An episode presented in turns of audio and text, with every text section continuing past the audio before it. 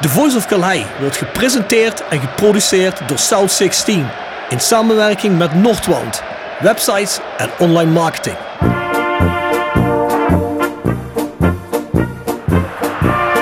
René van de Kerkhof, kom! Het hoofd van Danninga, het is het doelpunt! Het is het hoofd van het is het doelpunt! Het is 1-1 in de 36e minuut. drink dan eerst gezellig een kopje koffie, praat met wat mensen.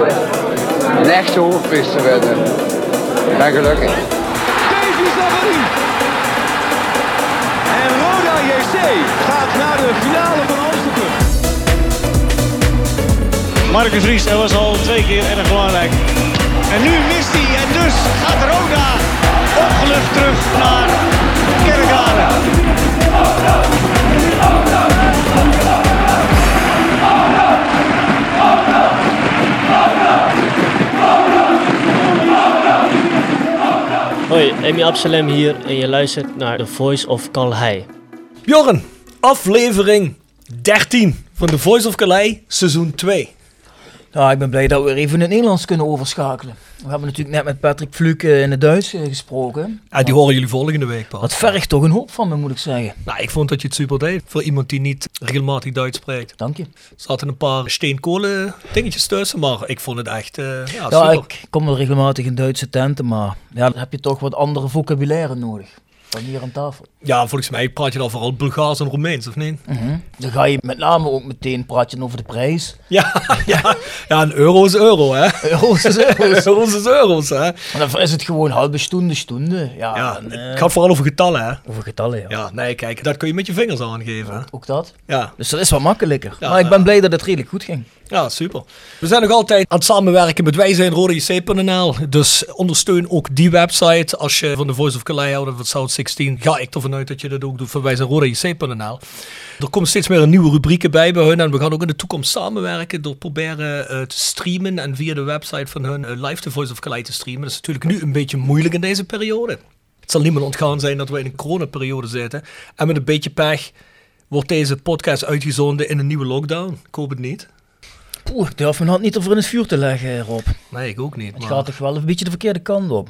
Jongen, ik moet rekeningen schrijven. Dat kan zomaar niet. ZZP'er, vadertje staat helpt mij niet. Dus eh, ja, Bjorn. Ja, nee, ik weet het, jongen. Maak je bos maar nat. Zet maar alvast een, een spendenactie op voor me. Zodat ik de kerst doorkom. Misschien kun je hier aanschuiven. Krijg je een eh, stukje konijn of een, een biefstukje. Ja, neem ik Patrick Fluke mee. Nee, Patrick Fluke mee. Ja, de mensen zullen volgende week wel begrijpen waarom die dan meekomt. Ja, exact. Ja. We hebben ook nog altijd ons Glück auf bier. Ja, we zitten nu in de laatste 70, denk ik. Ik heb er net ook al in die andere podcast van Patrick Fluke iets over gezegd. Maar eh, ja, het kan zijn zomaar dat eh, tegen de tijd dat dit online is, dat die niet meer te koop is, dat we er doorheen zijn. Maar als dat niet zo is, ga je naar shop.south16.com. Kun je bier kopen. Bijbehorende bierglazen zijn er ook te krijgen. Van alles krijg je daar. Ook een leuk shirtje bij in het pakket. Dus eh, ja, het gaat goed. Bedankt iedereen die al besteld heeft. Daar zijn we zeer blij mee dat het zo succesvol is. En daar krijg je natuurlijk ook ons Voice of Calais shirt. Onze gast van vandaag heeft er alleen gehad. Past er perfect, zag ik. Elletje had hij. Ja, Elletje, ik had eigenlijk gedacht, Roel, ja, hele lange vent. Ja. Ik Zelletje pakken, ja, maar zat perfect. Roel is bijna vier jaar geleden gestopt, hè? En dan denken jullie een klein buikje, maar niks hoor. Precies, een elletje. Nee, ik vind dat Roel er eh, bijzonder afgetraind uitziet. Ah, ja, dat is zeker, Ja. zeker weten. Doe je ook nog altijd krachthonk, Roel, of niet? Nee, nee, nee. Nee, ik was sowieso nooit een speler die heel veel in het krachthonk eh, te vinden was. Nee. Nee, volgens mij kan ik eh, vijf jaar in die gewichten hangen en dan zie je nog niks van. Dus eh, Roel zat met die slippertjes lekker omhoog bij München Gladbach. En zat hij, ja, Laura Boy zat in dat krachthonk. ja, ik zat gewoon lekker in de sauna of, eh, of zoiets. Maar nee, krachthonk, eh, Ja, eh, wel stabiliteitsoefeningen en eh, zoiets. eh, coördinatieoefeningen, dat wel. Maar kracht was ik echt niet... eh, maar als je ja. tegen die spitsen staande moet houden in die Bundesliga, dan moet je toch iets van kracht wel hebben natuurlijk. Ja, anders eh, hou je niet stand. Nee, dat klopt. Maar ik was redelijk eh, stabiel. Mijn coördinatie was goed. Eh, het was niet zo dat ik, eh, dat ik me zo liet wegduwen. Dus ik had wel redelijk wat kracht van mezelf. Eh, maar ik vond het wel fijn tegen die eh, grote bonkige spits. Ik had veel meer moeite met die kleine wendige dribbelaartjes. Ja, ja, kan ik me eh, voorstellen. ja. Denk je dat Roel die goal had kunnen verhinderen tegen Almere? Welke? Ja, hoe heet hij nog eens een keer? Hoe heet die grote gast nog eens? Overheid? Verheid. Verheid. Dat liet Kees zich toch wel een beetje snel wegduwen, vond ik. Ja, Verheid zou wel een spits zijn waar ik eh, prettig tegen zou kunnen voetballen. Ja, was wel kaliber. Bundesliga. Of tenminste qua statuur, hè? Ja, klopt. Ik, ja, in de Bundesliga, ik heb ze van eh, Jan Koller, eh, ja, de, Oh. de 2 meter eh, vijf of zo. Ja. Ik weet niet hoe groot, die was in ieder geval een Monster. kop groter dan mij. Ja. Ehm, ja, voor de rest had je bij elke club wel een redelijk ja, grote spits. Mhm. ja, bij Bayern München natuurlijk de hele serie gehad van Luca Toni, Klose, Gomez, Lewandowski, Mandzukic tussendoor nog. Het waren ook allemaal redelijk grote, sterke spitsen. Verdomme, dat zijn niet de minste, hè? Hoor je dat, eh, Bjorn? Heb ik jou al eens verteld dat Erik van der Leur Thomas Verheid de bouwvakker op voetbalschoenen noemde? Nee. Nou ja. Ja, Nou, nou, ik heb eens met Erik gesproken en die zei van ja, die gast kan natuurlijk niet voetballen. En voetballen kan hij misschien ook niet zo goed, maar ja, hij heeft ons wel de das omgedaan. zo is dat. Prijs elke keer bij de seizoenskaart aan bij Roda. Dat lijkt me nu niet zo'n handig idee om er nu een te kopen. Alhoewel, als je de club wil ondersteunen, doe het zeker. We hopen dat we na de winter misschien weer met publiek kunnen spelen. Of in ieder geval een gedeelte van het publiek. Ik weet niet of dat gaat gebeuren. Ik heb er zelf misschien een beetje hard hoofd in. Maar zal dat het geval zijn, koop een halve seizoenskaart en steun de vereniging. Vers gebrande pinda's. Wordt gepresenteerd door Hotel Restaurant de Veilerhof. Boek een overnachting of ga heerlijk eten in het mooie bergdorpje Veilen. Voor boekingen ga naar www.veilerhof.nl. En Torapi Autodemontage aan de Locht 70.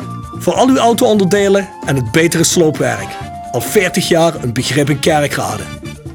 Tevens gesteund door Fandom Merchandising. Jouw ontwerper en leverancier van eigen sjaals, wimpels en andere merchandising. Voor sportclubs, carnavalsverenigingen en bedrijven. Al jarenlang vaste partner van de Rode JC Fanshop. Check onze site voor de mogelijkheden. www.fandom.nl Wil je mooie luchtopnames van je huis, omgeving of bruiloft? Laat mooie droneopnames maken door de gecertificeerde Sky Art Pix dronefotografie uit Simpelveld. Bekijk de site voor de vele mogelijkheden. www.dronefotografie-sap.nl prijsvraag. We weten nu Ja. niet of die wedstrijd... Ja, wat hebben we voor wedstrijd? Wat komt er nou aan? Wat is het? Tegen de Bos? Zaterdag, ja. Ja, die van Fortuna hebben we even niet meegenomen, de prijsvraag. Nee. Maar die van de Bos weten we nog niet wie er gescoord heeft. Dat weten jullie ondertussen wel, want deze komt volgende week online. Dus ja, mocht er iemand in de podcast met Danny Volkers de juiste eh, speler hebben ingestuurd wie er het eerste scoort van Roda, dan ga je dat vanzelf ervaren dat je de prijsvraag gewonnen hebt. Prijsvraag van deze week is welke Roda speler scoort de eerste goal tegen Jong Utrecht? Jong Utrecht, dat is uitwedstrijd neem ik dan aan. Dat geloof ik wel, ja. Ehm, moet ik even goed nadenken. Ja, dan ga ik toch voor eh, Jordi Kroeks die weer terug in de basis komt. Ja? Denk je dat Jordi Kroeks over zijn dalletje heen is? Ja, denk ik wel. Wat denk jij, Roel? Ja, dat denk ik wel. Eh Jordi is een speler eh, die heel veel kwaliteiten heeft. Hij heeft natuurlijk eh, ja, de laatste wedstrijden er niet altijd kunnen laten zien. En eh, ja, hij moet gewoon zorgen dat hij dat wel weer kan laten zien. En eh, hij moet weer belangrijk worden voor het team. Eh, hij heeft die actie, eh, zeker als hij naar binnen komt en eh, heeft een heel gevaarlijk linkerbeen. Ja, dan mag hij wel iets meer rendement uithalen, denk ik, in de wedstrijden. Maar ik denk, eh, ik ben er niet bang voor dat er weer gaat komen. Dat, eh, dat weet ik wel zeker. Ja, Jordi startte goed, hè. Het vorig seizoen had hij zo'n beetje, zat hij er tegenaan te hikken ook. Net zoals nu in die wedstrijd. Dan krijg je wel een beetje die vibe van vorig seizoen. En dat het net niet is. Maar in het begin ging het goed, dus eh, ja, goed. Ik ben geen trainer, maar als ik het voor het zeggen had, zou Kroeks altijd spelen bij mij. Ja, dat denk ik ook. Hij is in ieder geval degene met de meeste dreiging naar voren van de voorste linie. Dus ik zeg dat de eerste goal gemaakt wordt door, eh, ehm, door Amir Absalem. Oh ja? Ja, denk wel. Die gaat weer een goal maken. Kijk aan. Wie weet. Oké, mag ik ook nog meedoen? Of, Ja, eh, zeker. Tuurlijk, dan zeg eh, ga ik voor eh, ja, de gast van net, Patrick Fluke. Ja? Ben je een Ja. flinke fan, Roel? Ja, ik vind hem wel een geweldige voetballer. Hij is aan de bal heel sterk. eh, eh, zeker zijn steekpaas. Hij ziet het spelletje wel. eh zoekt, vindt altijd de vrije man. eh, zoekt ook de ruimte om zelf vrij te komen. Hij heeft natuurlijk ook nog een aantal dingen die wel beter kunnen. Is een duelkracht. ik bedoel, ja, is toch een Duitser, hè? Dan, eh, Een kleine Duitser, maar een blijft ja, Duitser. kijk, ja. een duelkracht, dat kan natuurlijk wel beter. Maar ik denk, aan de bal is het, eh, is het een van de betere spelers. En heeft ook een geweldige vrije trap. Dus misschien dat hij daar de eerste goal uit kan maken tegen Jong Utrecht. Denk je dat Roland Albergen die laat nemen? Denken jullie? Want die pikt toch die balletjes voor die vrije trap altijd in, hè? Ja, ik hoop dat hij dan eh, tegen Jong Utrecht eh, de eerste keer eh, zo vrij is om die bal gewoon te pakken Ja. en hem erin te schieten. En dan ja, krijg ik ook nog gelijk misschien. Dat is gewoon sturen we dan die 2, 5 euro waarde bonnen voor sub in het stadion. Hey, even afkloppen, maar die pingels, die schiet Alberg toch onberispelijk binnen. Zeker. Daar Ja, heb ik maar geen Alberg twijfel is natuurlijk ook een speler die een neusje voor de goal heeft. En die, als hij de kans krijgt, die bal ook heel makkelijk erin prikt. Dus ja, het zou ook zomaar kunnen zijn dat hij hem erin prikt. Maar Maakt eigenlijk niet uit, hè? Als iemand hem maar erin prikt. uiteindelijk maakt het mij niet uit wie ze maakt. Maar Zo is dat. Mensen, als je opmerkingen, vragen hebt of suggesties, we gaan je niet beloven dat we iets doen met je suggesties. Maar soms wel, hè. En stuur je ze naar thevoiceofcalais.south16.com. Dan worden ze vlijtig gelezen door Bjorn en mij. En de vragen worden zelfs uitgeprint door Bjorn. En heeft er dadelijk ook weer een aantal voor Roel Brouwers. Het zal je niet ontgaan zijn dat dat onze gast van vandaag is. Voordat we gaan beginnen met Roel, de tip van de week, Bjorn. Tip van de week. Gepresenteerd door Jegers Advocaten. Ruist de Berenbroeklaan 12 in Heerlen. Hart voor weinig, nooit chagrijnig. www.jegersadvocaten.nl En Nextdoor Kapsalon, Nagel en Beauty Salon op de locht 44A8 te Kerkrade. Tevens gesteund door Financieel Fit Consultant. Als je bedrijf kan met medewerkers die uitvallen als gevolg van financiële problemen. Nooit meer klagen over loonbeslagen. Schrijf naar charles.duurzaambewind.nl Ja, ik had net even gekeken in mijn eh, Netflix-lijst. En eh, ik ben nog steeds bezig aan Subura. Heb je die gezien, Rob? Italiaanse, Ja, ja, ja. ja, ja. Ja, een beetje maffia-achtig. eh, uit Italiaans. Rome. eh, Napoli. hè? Rome, nee, is Rome. Ach, is- oh, Subura. ja. Sub- Gomorra is Napoli Ja. en Subura is... Subura eh, Blood on Rome heet die geloof ik hè? Ja, goeie Ja, vond ik ook goed. Ja, ik ben er wachten tot er een nieuw seizoen van uitkomt. is toch een tijdje geleden geloof ik. Seizoen 1 en 2 ja, is nu online en seizoen 3 zit eraan te komen. Ah, mooi. Goeie tip, die Bjorn heeft altijd misdaad hè. Ja, misdaad, daar leef ik van. Sommige mensen leven ervoor. Moet je ja, er van hebben, hè. je kunt nooit genoeg misdaad hebben, zeg ik altijd. Ik heb ook een tip, en dat is Forbidden Games, de Justin Fashionou story. Dat, Eh, eh, hallo, wat- hou je er wel rekening mee dat er ook minderjarigen luisteren? Forbidden Nou. Games, hallo. Nou, het zou zomaar kunnen, want de reden waarom dat zo heet is eh, die Justin Fashionou. John Fashionou. Nee, het was de broer van John Fashionou. Justin Fashionou was eigenlijk de meer getalenteerde speler, maar was ook op een gegeven moment openlijk homoseksueel. Ja, dat is zijn broer. Zijn broer is niet homoseksueel. Ik dacht dat John Fashionou de eerste homoseksuele speler was die uit de kast was gekomen. Nee, dat is Justin Fashionou. Was dat Justin Fashionou? Oh, Maar John Fashionou viel hem helemaal af. En dat is ook een van die dingen waar die film over gaat. Die jongen die heeft, heel veel, ehm, heeft daar heel veel shit voor gekregen. En John Fashionou in plaats van zijn broer te ondersteunen, want ze waren best wel dik. Omdat ze ook heel veel hebben meegemaakt in hun jeugd, eh, negatieve zaken. John Fashionou heeft hem zelfs geld geboden om zijn mond te houden over zijn homoseksualiteit. Omdat dat hem een slecht daglicht zou kunnen stellen. Ja, dat is natuurlijk niet zo goed gevallen. Ja, goed, dat is eh, een heel dramatisch verhaal. Is dat. Kun je, ik weet niet, Amazon Prime, Netflix, ik weet het niet, daar kun je hem ergens vinden. Als je wel een vo- voetbaldocumentaire wil kijken, maar over iets meer dan voetbal, is dat wel interessant. maar je weet niet, hij zal niet op Netflix zijn, denk ik. Is Netflix of Amazon Prime, een van de twee? Ja, Amazon kijken. Prime heb ik niet, dus dat wordt moeilijk. Ja, dan kun jij hem niet kijken. Heb jij een broer op? Nee, ik heb alleen zus. Oh. Oh ja, ja, die zus, ja, die ken Ja, ik wel. ja, ja. Hey, maar Roel, eh, hoe is dat? Jij hebt zo lang in de voetballerij, je loopt nog altijd in de voetballerij mee. En ook op, op allerlei niveaus heb je van het hoogste Duitse niveau tot tweede Bundesliga, Roda. Kom je dat nog nooit tegen? Voetballers die homoseksueel zijn. ik eh, kan me niet herinneren dat ik ooit heb gehoord dat een medespeler eh, homoseksueel is. Eh, ik weet alleen dat in de Duitse Bundesliga, volgens mij Thomas Hitzelsperger, dat Ja. na zijn carrière, eh, ja, daar heb ik dan tegen gespeeld. Dat is het enige waar ik van weet. Ja, de rest eh, heb ik daar nooit iets van gehoord. Dus dat is eigenlijk de enige ja, waar ik echt weet van, daar heb ik tegen gespeeld. En die is er vooruit gekomen. Maar voor de rest... Denk je dat dat echt wel uitmaakt? Ja, ja, wij- Bijvoorbeeld Gladbach in de omkleiden. Op een gegeven moment, op zondagavond komt, weet ik veel, Lars Stindl komt er vooruit en zegt, hey jongens, ik ben homoseksueel. Is dat dan opeens heel raar, denk je? Ik denk dat het in een team, eh, dat, er niemand wat boeit. Eh, ja, bedoel, Ik denk wel op de tribune. Ik denk dat dat het grootste probleem is. Ik denk eh, in het team zelf, eh, ja, dat iedereen daar, ja, dat niemand daar moeite mee heeft, Ja. laat ik het zo zeggen. Maar ik, ik denk vooral, ja, de tribunes zijn tegenwoordig leeg, dus eh ze zullen er niet heel veel last van hebben. Maar Dit is de eh, beste tijd om uit de kast te komen. Ja, ja, bijvoorbeeld inderdaad. Ja. Maar ik kan wel voorstellen dat je denkt, zoiets hebt van ik wacht wel even de na mijn carrière. Want Ja. eh, als daar eh 80.000 man in het stadion zitten, Weet je wat er geroepen wordt? dan eh, kan het zijn, hè, ik wil niet zeggen dat het altijd Mhm. zo is, maar dan kan het natuurlijk zijn dat eh, hier en daar wel wat geroepen wordt. Ja. En eh, ja, dat wil je natuurlijk denk ik voorkomen. Dus ik snap wel heel goed dat je dat niet eh, misschien in je carrière zegt. Dus, Toch eigenlijk bizar dat dat... eh, ja, het is echt heel raar dat het niet kan. Ik zou Ja. het gewoon moeten kunnen, maar ik, ik snap wel heel goed eh, als ze het Ja. niet doen. Ik snap dat ook wel. Maar als je kijkt wat bijvoorbeeld zwarte spelers al ja, decennia lang naar, naar een hoofd geslingerd krijgen soms. Ja, die zullen ook wel denken van ja, als je homoseksueel bent, kom er maar gewoon vooruit. Kijk maar eens waar ik, waar ik, de- wat ik al tientallen Ja. jaren meemaak. Hè. Dus, maar ja, het is jammer dat dat zo is. Maar, maar goed, ik zou het echt super vinden. Als er echt een speler is die dat doet en zich er echt een reet van aantrekt. Zou ik echt ruim vinden. Ja, en zeker als er nog een speler is waar iedereen een beetje tegenop kijkt. Hè, dat- dat je zoiets hebt van, wow, dat die dat, en dat zijn er misschien ook meer die dat durven Ja. te doen. En eh, ja, dat zou denk ik alleen maar goed zijn. Maar ja, ik ben eh, een beetje bang voor dat het niet zo 1, 2, 3 gebeurt. Dat zou de perfecte speler daarvoor zijn. Weet je ook wel, weet, weet ook die Ja, ik vroeger bij Manchester heeft ik wil niet meer wat Die- aanpraten, Die, die, die, eh, die, eh, die verdedigende middenvelder, weet je ook wel, die vroeger bij Manchester heeft gespeeld. Vinnie Jones of wat? Nee, niet Vinnie Jones. Die spelen bij Wimbledon. Dat zou ook een goeie zijn. Maar hoe heet die nou? Die, die keiharde. Nee, nee, nee. Die, die Ier. Hoe heet die Oh, nou? Roy Keane. Roy Keane. Sta je voor Roy Keane? Ah, nee, dat... eh, Eh, of zo'n Peppe of zo. Hè? Dat Ja, is een keiharde speler. Iemand die er gewoon op middenzaag als je tegenkomt. Ja. ja, dat zou ik wel vinden. Maar goed, anyway. Ja, mensen, jullie hebben zijn stem al gehoord. Onze gasten vandaag. Bjorn. ja, onze enige echte Roel Brouwers. Ja, welkom Ja. Roel. Ja, het is een eer om hier te zijn, want eh, ik sloeg vanmorgen die krant open.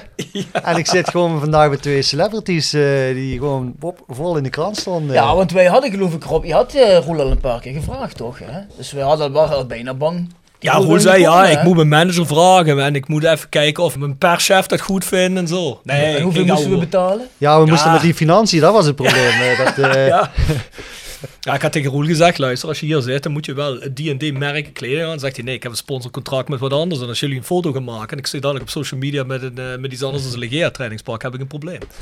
Dus, eh ja, het- eh, het is niet toevallig dat ik hier eh, in mijn Legea trainingspak zit. Ik stap zo van het trainingsveld af. Dus, eh, ja, ja. Kijk, dat is- kijk, dat vind ik dan wel wat dedication. Hè? Kijk, de andere keren konden we niet samenkomen dat we, hè, of wij zaten met een dingensplanning of Roel kon net niet. Maar ja, nu zegt Roel, vorige week kijk, ik kom meteen naar de trein. Ja, dat vind ik dan dat vind ik een goeie. Ja, dat vind ik ook heel cool. En ja, nu zijn we er een beetje aan gewend. Roel de trainer. Een jaar geleden had ik er eigenlijk nog niet zo bij stilgestaan. Totdat we de podcast deden met José Maria Fernandez Rubio. Ja, Ja. En die was eigenlijk de eerste die zei van ja, er loopt hier een heel groot trainerstalent rond.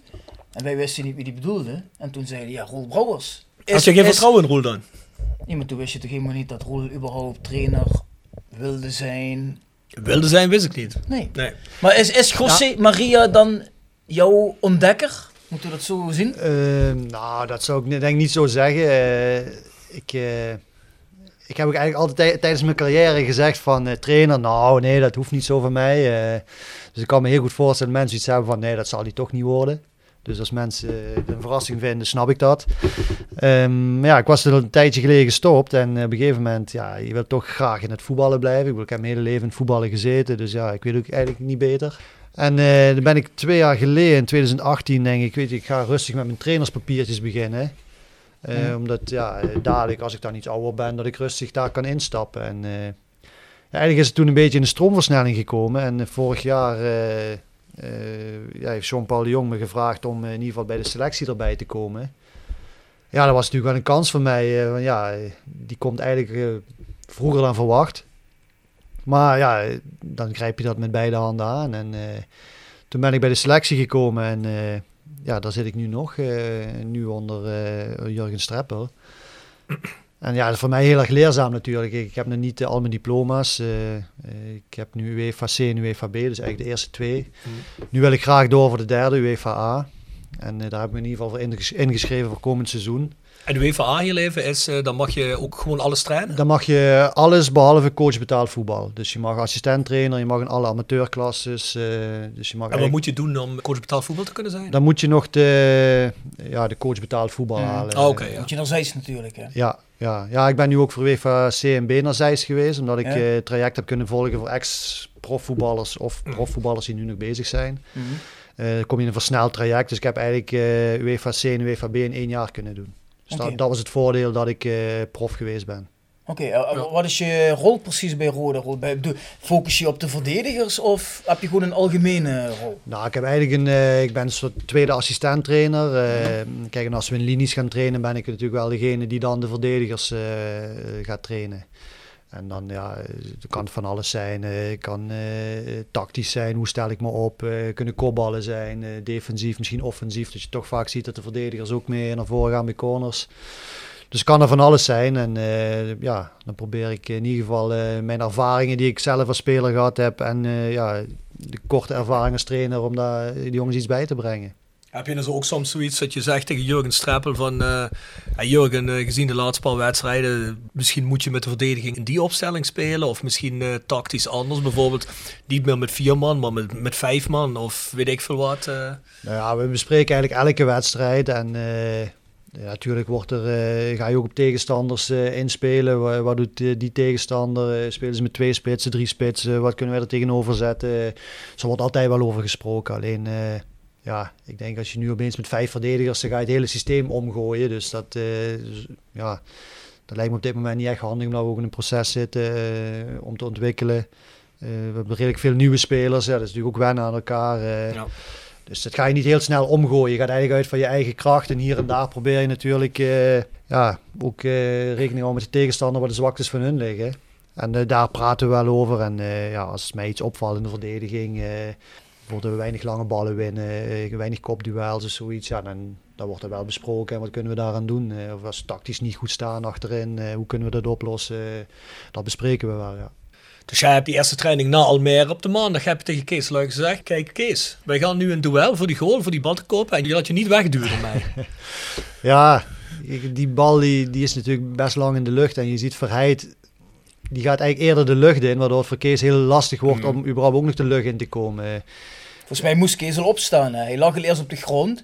Toen moest hij weer hoog komen. Toen moest hij weer hoog komen. En, uh, ja, ja, het was een beetje een ongelukkige situatie. Ja, ja. het, was gewoon heel lastig te verdedigen. Verheid doet het natuurlijk ook slim. Uh, dat is ook zijn kracht. Hè. Ik mhm. bedoel, uh, ja, hij moet denk ik niet van zijn individuele actie hebben en zijn loopvermogen. ja, hij is gewoon sterk in de bal, met de kop heel erg sterk. En dat doet. Hij is gewoon eerder in de lucht, waardoor Kees dan moeilijk omhoog komt. En ja, dat is natuurlijk ook iets wat uh, onze verdedigers proberen bij te brengen. Zeker in de defensief koppen. Van, als jij eerder in de lucht bent, dan wordt het heel lastig voor jouw spits om, ja, om nog omhoog te komen. Mm. Dus je moet proberen dat je net iets eerder in de lucht zit. Ja. ja. dat zijn wel dingen die kunnen helpen. In deze situatie was het gewoon heel lastig voor Kees, omdat je ook nog achteruit moet lopen. Ja, dan kom je sowieso moeilijker van de grond. Mm. Keeper had misschien ook kunnen komen, hè? Bal in de vijf. Ik denk dat daar de keeper komt en die vrijheid loopt tegen de keeper om die laat zich vallen dan krijg je 99% dat je de vrije trap mee krijgt. Dat hij hem afkeurt. Zeker in het huidige klimaat, het voetbalklimaat. Er wordt voor alles gefloten. Nee, precies daarom. Voordat we verder gaan in het huidige, heel even voor de mensen die, uh, want we hebben ook nog wel, ik wil niet zeggen uh, jonge luisteraars van een jaar of twaalf, maar wel jongere luisteraars die misschien uh, helemaal niet zo goed weten. Roel Brouwers, ja, Roel Brouwers heb ik gezien, die is uh, assistent-trainer bij Roda, maar die heeft vroeger wel eens bij Roda gespeeld, maar waar ken ik die dan nog meer van? Nou, geboren in Heerlen, begonnen bij Wiltania, ja. de jeugd. Ja, klopt. Ben je ook van Welte? Ik ben uh, geboren, getogen in Welte, ja. Nou, kijk eens aan. En dan 2001 tot 2005 bij Roda? Ja, ik zat natuurlijk eigenlijk al iets langer bij Roda. Ja, ik ben, prof bedoel ik, ja. Als prof inderdaad heb ik in 2000 uh, contract getekend. Uh, op 11-jarige leeftijd ben ik vanuit de Weltania naar Roda gegaan. dus dat is in... het zal 1992 geweest zijn dat ik bij Roda ben gaan voetballen. Ik heb daar zeven jaar in de jeugd gespeeld. En uiteindelijk in 2000 contract getekend. En toen ben ik onder Seffer Goos, uh, toen dat tijd, die heeft me bij de selectie gehaald. En toen heb ik uh, heel veel meegetraind, maar geen wedstrijden gespeeld. Toen speelde ik op het tweede elftal. En uh, echt te spelen begon ik in 2003 onder William Vloed. Ik weet nog, mijn eerste, basis, eerste basisplaats was bij PSV uit tegen Matthea Kesman. Oh, ook niet de Ziet mensen. de mensen meteen, hè? Nee, dat klopt. En eh, ik moet zeggen, hij kreeg wel een aantal kansjes. Dan moet je net het geluk hebben dat hij die niet maakte. En we speelden 0-0. Dus ja, dat was voor ons natuurlijk een prima uitslag Ja, uit de. PSV. Dus dan heb je meteen een lekker begin. En eh, ja, toen kon ik gelukkig even blijven staan. Want je had best veel concurrentie in die tijd. Hè? Wat stond er in de centrale verdediging allemaal? Luipers, eh heb- Vrede hè, in het begin. Ja, het, het eh, Vrede was eigenlijk net voor die tijd. eh, eh, dat was onder Vergoos toen ik bij de selectie kwam. Daardoor speelde ik natuurlijk ook niet veel. Dat eigenlijk Vrede en Luipers, ja, die, Mhm. die speelden altijd. als daar iets gebeurde, hadden ze nog... waarom moet ik even denken? Ging, of Gerry naar het centrum. die heeft natuurlijk ook vaker in het Ja. centrum gespeeld. Eh, Tomasic was ook in die Thomas, periode. Tomasic Ja, was toen ook daar. Filipovic ook. Hè? Fili- Filipovic, ja, daar heb ik wel nog samen mee gespeeld. Eh, ja, in 2003, eh, toen speelde Luipers er wel. En daar heb ik eigenlijk de meeste wedstrijden samen mee gespeeld met Mark toen, eh toen dat tijd. En eh, ja, ik was eh, op een gegeven moment basisspeler. En toen eh, heb ik inderdaad de concurrentie, hebben ze Erik Addo gehaald. Eh, op een gegeven moment hebben ze nog eh, ja, wat exotische namen gehaald. Volgens mij Donovan Mauri. eh Nou ja, een hele Amerikaan geloof ik? Ja, eh, in ieder geval... eh, kan ik me wel helemaal niet meer herinneren. ja, er zijn heel veel spelers gekomen. Op een gegeven moment ook Pamadou Kat, toch? Of niet? Pamadouka en Marco van Hoogdalem is er teruggekomen eh, vanuit Schalke naar hier. Er zijn altijd wel nieuwe centrale verdedigers gehaald, waardoor ik eigenlijk net altijd weer een stapje terug moest doen. En eh, ja, in 2005 kwam, kwam Huub Stevens en die gaf eigenlijk aan van ja, je zult geen vaste basisspeler worden. En toen was ik 23 en ja, ik vond dat ik moest voetballen. Dat vond Huub gelukkig ook. Mhm. En toen hebben we samen de keuze gemaakt om eh, te verhuren. Maar toen Oh, je je- was toen dus niet transfervrij. Nee, nee ik, had, ik had nog een contract bij Roda. En eh, de club wilde mij toen ook niet echt eh, wegdoen. Eh, maar gewoon ergens anders laten voetballen. En zodoende ben ik toen naar Paderborn gegaan. En dan ben je een jaar op huurbasis en daarna Ja. ben je helemaal vertrokken naar Paderborn. Hè? Ja. Het jaar daarna. Het eerste jaar ben ik daar op huurbasis geweest. En eh, ja, toen had ik zelf zoiets van, ja, Duitse voetbal, tweede Bundesliga, eh, dat past wel heel erg goed bij me. Bij ook de stijl die ik zelf speel. eh. ja, kijk, ik, ben- ik ben niet iemand van de fluwele techniek. Ik moet het gewoon hebben van hard werken, mijn best doen en zo snel mogelijk de bal inleveren bij iemand die wel kan voetballen. Cru gezegd. Ja. En eh, ja, dat paste gewoon heel erg goed bij me. En ik heb daar een fantastisch jaar gehad eh, onder Jos Luca, een Nederlandse trainer. Eh, die gaf mij ook heel veel vertrouwen. En, eh, Ja, maar jij hebt die twee seizoenen ook bijna alles gespeeld daar, hè? ja, ik heb denk ik in twee seizoenen 59 wedstrijden gespeeld. Dus eh, praktisch alles. Maar echt een stap terug is het ook niet, hè? Want ik, volgens mij, de meeste Ja. Eredivisieclubs die worden in de tweede Bundesliga geen kampioen, toch? Misschien Nee, Ajax. Feyenoord, PSV, maar nee. daar hoort het ook ver op, denk ik. Voor mij was het zeker geen stap terug. Ik denk misschien voor de buitenwereld wel vanuit de Eredivisie naar de tweede Bundesliga. En zeker naar Paderborn. Toen, toen ik er kwam waren ze net gepromoveerd. Ja, dat is natuurlijk geen bekende naam in Nederland. Nee, nee, en toen dat tijd in Duitsland ook nog niet zo. Misschien eh, door het hele omkoopschandaal met uh, Hoitzer, die eh, Mhm. de wedstrijd tegen Hamburg toen. Daar zijn ze wel iets bekender door geworden. en ehm, ja, toen ik daar kwam waren ze net gepromoveerd naar de tweede Bundesliga. Dus eigenlijk hield ook iedereen er rekening mee van ja, het kleine Paderborn zal ook wel meteen weer degraderen. Eh, en we werden toen negende dat seizoen. Eh, ja, ik speelde gelukkig alles. eh ik had een heel goed seizoen. En de club wilde me ook graag houden. Ik wilde, wilde graag blijven. En toen hebben ze me definitief overgenomen van, van Roda. Ja, daarna. Gladbach. Ja, dus ik heb het tweede jaar nog in Paderborn gespeeld. Eh toen zijn we volgens mij 11e of 12e geworden. Ook een prima seizoen gehad. Eh, op één wedstrijd na volgens mij alles gespeeld. En inmiddels was eh, Jos Luukai eh trainer in Gladbach geworden. Ja, die kon mij natuurlijk. En Gladbach die degradeerde vanuit de Bundesliga naar de tweede Bundesliga. En ja, Luukai wilde graag spelers hebben die de tweede Bundesliga konden. Die daar Mhm. al in gespeeld hadden. En ja, ik was zo'n speler die er al twee jaar in zat. En eh, ja, die wilden me graag erbij hebben. En zodoende eh, ben ik eigenlijk in Gladbach terechtgekomen. Mooie transfersom nog betaald voor je toen? Ehm, ja, volgens mij ben ik van Roda naar Paderborn voor 250.000 euro gegaan. En van Paderborn naar Gladbach weer voor 250.000 euro. Dus eh, Dat ja. is voor Gladbach dus eigenlijk een koopje. Ja. Ja, ik had, eh, is misschien ook wel eh, mijn geluk geweest. Ik had in mijn contract laten zetten dat eh, als een eerste Bundesliga club me zou kopen van Paderborn, dan zouden ze 750.000 euro moeten betalen en een tweede Bundesliga club 250.000 euro. Dus Gladbach Ja, was gedegradeerd gedegradeerd waren. Ja, ja. en dat scheelde ze wel 500.000 euro. ja. Ja, nou, dat Dus, kan ik me eh, voorstellen. Dat is natuurlijk een koopje voor hun. Ja, kijk, misschien als ik 750.000 euro gekocht had, hadden ze gezegd van nou, doen we het niet. Dus ja, achteraf is dat misschien ook aan mijn geluk geweest dat dat in mijn contract stond. Hebben ze me overgenomen en ja, uiteindelijk heb ik daar nog negen jaar gezeten. Dus eh, Ja, want je maakt eigenlijk de heropleving van Gladbach mee. Hè? Een beetje de heropstanding. Want eh, Gladbach Ja. is natuurlijk een trotse, traditierijke club. Ik geloof vijf of zes keer kampioen in de jaren zeventig. Samen met Bayern hebben ja. zich toen alles gedeeld eigenlijk, geloof ik. Hè? Qua kampioenschappen. Ja. dan had je toch een tijd dat het, ja, ik wil niet zeggen jojo-club is geweest. Hè? Maar eh, zoals gezegd, dat Ja. seizoen van jou degradeerden ze ook. En ze zijn volgens mij in seizoen of vier, vijf daarvoor waren ze ook ja, een keer ze zijn gedegradeerd. inderdaad twee keer gedegradeerd. Eh, eigenlijk de jaren ja, 90, eh, begin 2000 waren eigenlijk hele lastige jaren voor ze. En dat is misschien wel het mooie eh, van mijn tijd bij Gladbach. Ik heb gewoon eigenlijk de hele opmars eh, Ja, tot waar ze nu zijn. Ja, ze spelen nu Champions League. ja, uiteindelijk heb ik het zelf ook nog in mijn laatste jaar mogen spelen. Dus ja, dat had ik niet verwacht toen ik daar in 2007 tekende in de tweede Bundesliga. En dat is ook het mooie van het hele, ja, dat ik gewoon dat hele traject heb mogen meemaken. Vanuit de tweede Bundesliga naar de Champions League en gewoon een stabiele subtopper in, eh, in Duitsland geworden. Ja, want jullie degraderen twee jaar later bijna weer. Hè? Je speelt die play-off wedstrijden tegen Bochum. Ik kan me nog, zoals ik net al zei, een aantal hele goede vrienden van mij zijn echt eh, die-hard Gladbach-fans. Ik kan me nog herinneren dat we in de, ja, die kregen geen tickets voor die wedstrijd. Dat was binnen een mum van tijd uitverkocht. Ja, ja. Dat was op het nippertje dat jullie door de oog van de naald kropen. Ja, ja, we speelden de, de play-offs, hè, promotie-degradatie. Ehm, Jullie trouwens als Bundesliga-club. wij als? Bundesliga-club, Bochum als tweede Bundesliga. Dus eigenlijk waren wij de club die alles te verliezen had. En Bochum eigenlijk alleen eh, maar kon winnen. Twee wedstrijden. Twee wedstrijden. We begonnen thuis. Ik weet, na 90 minuten stond nog 0-0. En we hadden eh, volgens mij vier minuten extra tijd. En in de 94 minuut en 6 of 7 seconden maakten wij de 1-0 thuis. Nou ja, dat was natuurlijk een explosie in het stadion. Eh, ja, een hele belangrijke goal. Eh, volgens mij staat hij nu altijd in de top 3 of 4 van de ja, belangrijkste doelpunten in de historie van de club. En ja, dan ga je met een 1-0 voorsprong naar Bochum. En dan komen we in de eerste helft 1-0 achter. Mhm. Ja, is het eigenlijk weer gelijk.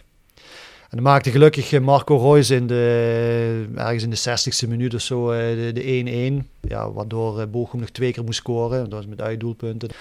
Dus toen was het redelijk gespeeld. Maar tot die eh, het 1-1 eh, was het over twee wedstrijden heel erg spannend, ja. Marco Ja. Reus zeg je. Ja. Waar nu bij Dortmund zit. Ja. Oh, ik wist niet dat hij bij... eh, Ja, die, is, eh, die hebben ze toen de tijd volgens mij voor 700.000 euro vanuit de Ale gekocht. En die hebben ze drie jaar later voor eh, 19 of 20 miljoen eh, aan Dortmund verkocht. Dus ja, Ja, dat was eh, toen een supertalent. Hè? Ja. Geen slechte zaken. Volgens mij had hij een keer al een blessure gehad bij, bij jullie. Hè? En wat groter. En daarna heeft hij Hij- dat weer gesukkeld. Hè? Ik moet zeggen, bij ons was hij zelden geblesseerd. Eh, ik moet zeggen, die, toen hij bij ons binnenkwam was het eigenlijk nog eh, ja, een relatief jonge jongen. Eh, zo zag hij ook uit. En in die drie jaar dat hij bij ons is, heeft hij zich echt ja, super ontwikkeld. En ook verdient eh, de transfer naar Dortmund. Eh, hij was bij ons gewoon die drie jaar lang echt eh, een van de belangrijkste spelers.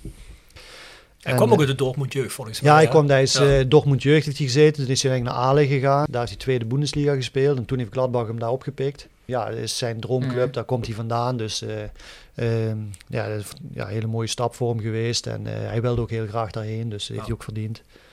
En, eh, maar ja, hij is drie jaar bij ons geweest inderdaad. Ja. En, eh, ja, Hij was een goede speler voor Gladbach.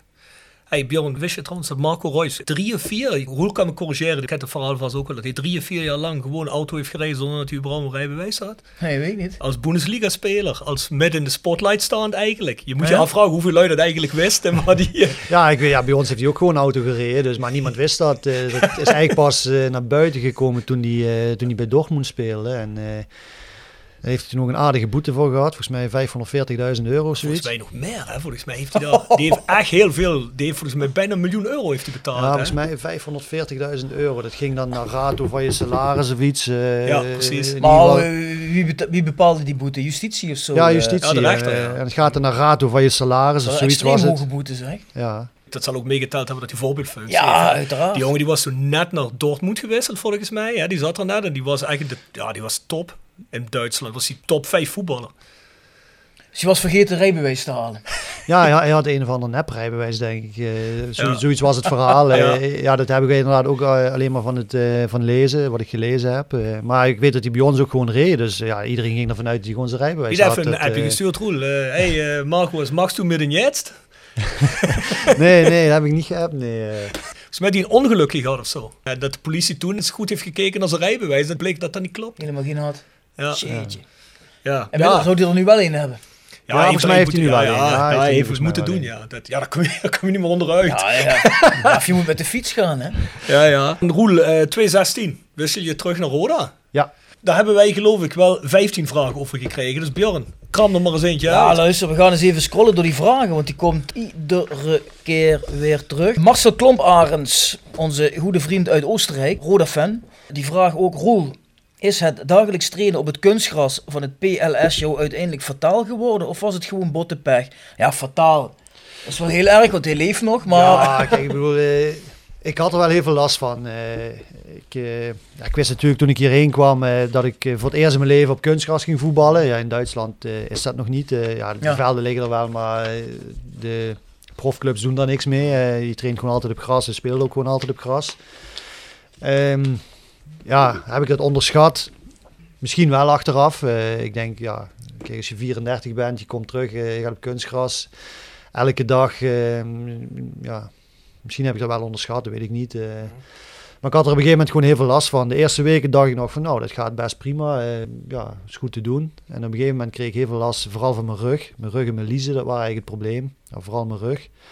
Eh, ik moet zeggen, ik had tijdens de training en tijdens wedstrijden had ik niet zo heel veel last. Maar als ik dan thuis kwam en ik ging in de stoel zitten, nou ja, eh, dan kwam ik er bijna niet meer uit. Uh, S'nachts eh, sliep ik bijna niet meer. Ik was alleen maar aan het draaien en draaien. Ik kon mijn positie niet vinden. Zoveel last van mijn rug. eh.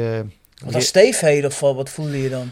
Ja, gewoon echt van die pijnscheuten in mijn rug, van die steken Mhm. in mijn on- onderrug vooral. En ja, op een gegeven moment heb ik ook tegen de trainer, was toen anesthesio, gezegd van ja, ik kan echt geen twee keer per dag meer trainen. Maar ik, ja, ik heb gewoon geen rust als ik thuis ben. eh, ik slaap niet, ik, eh, ik kom niet uit de stoel als ik, eh, als ik thuis in de stoel zit.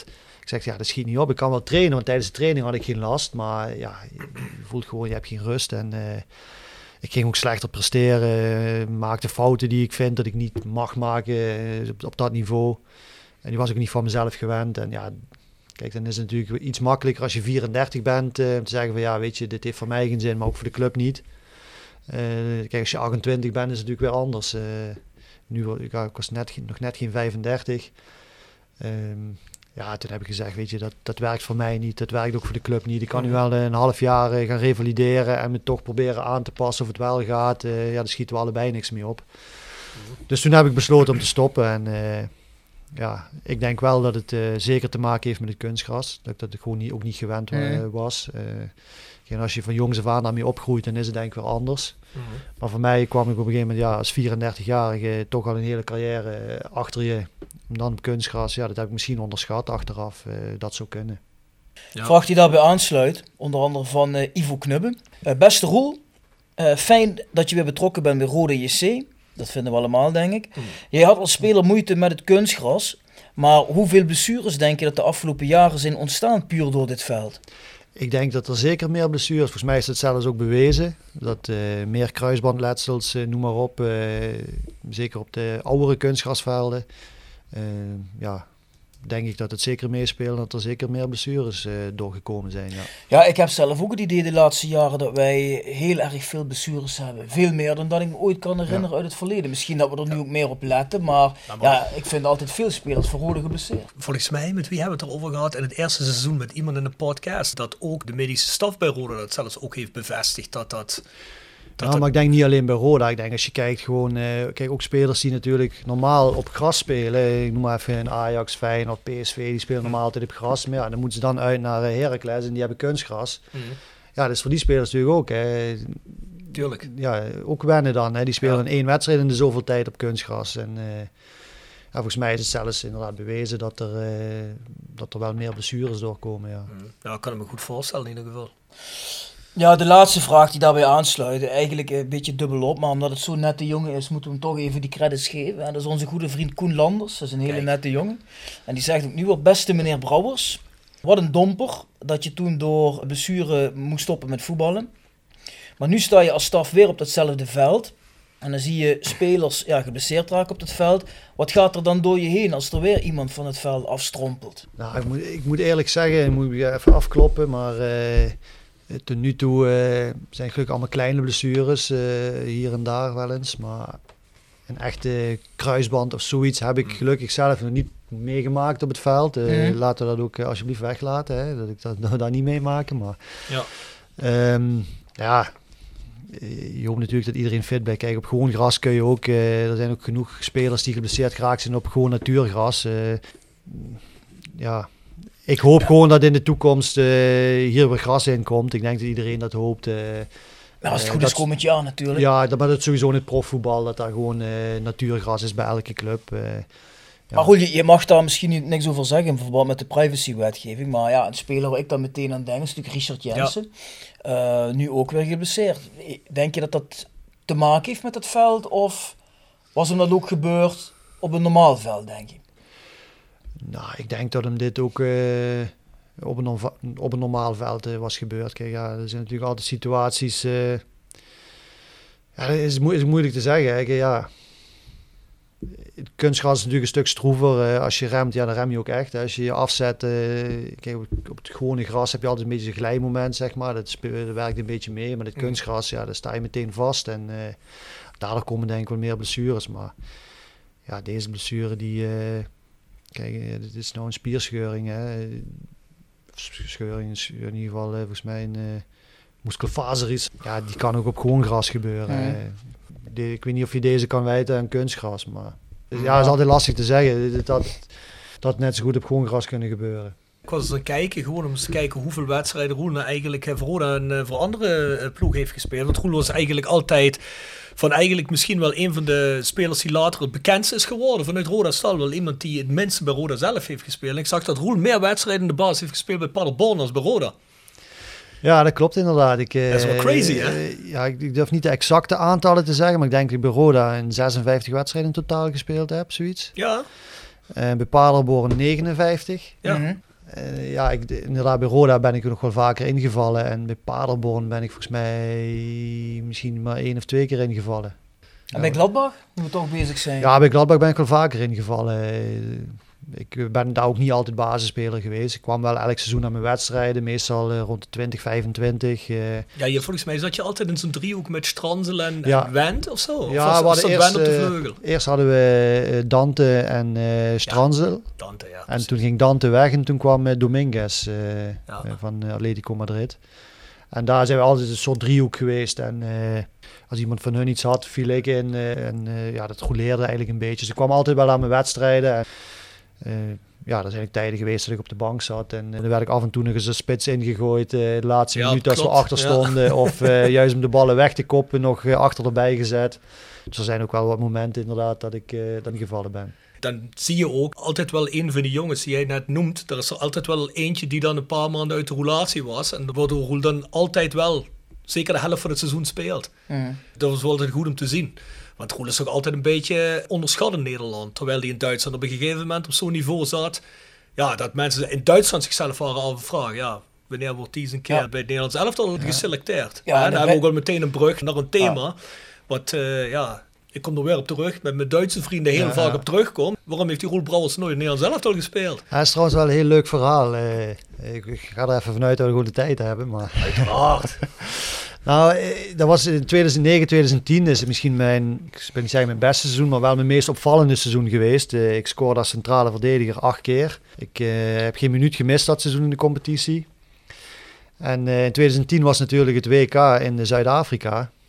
En ja, ik speelde alles, scoorde veel. Ik werd uiteindelijk eh, samen met Marco Reus clubtopscorer, allebei met acht doelpunten. Dus ja, dat was natuurlijk wel leuk. eh. Ja.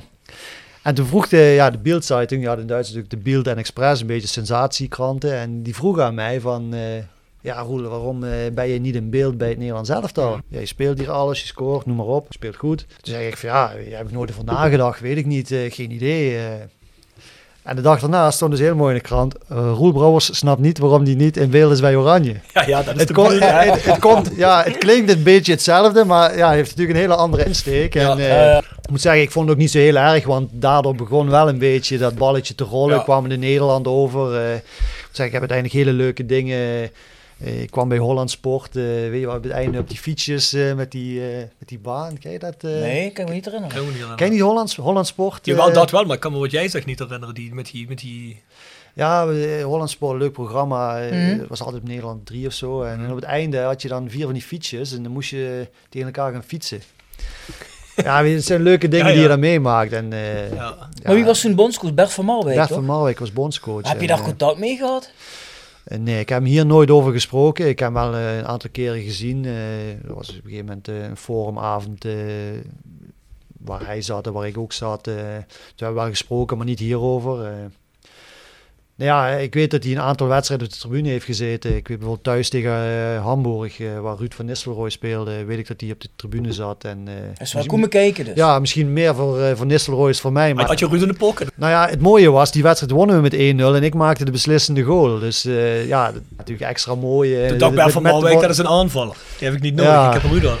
Dat zou goed kunnen, inderdaad. Eh, ja, het was eh, uiteindelijk eh, ja, in 2010, eh, er waren nog wat wedstrijden, dus hij had een beetje zo'n voorselectie gemaakt van spelers die er eigenlijk even mee mochten trainen, maar uiteindelijk daar niet meegingen. Ik had wel gehoopt misschien daarbij te zitten en dan zo misschien toch nog een kansje te hebben om mee te kunnen.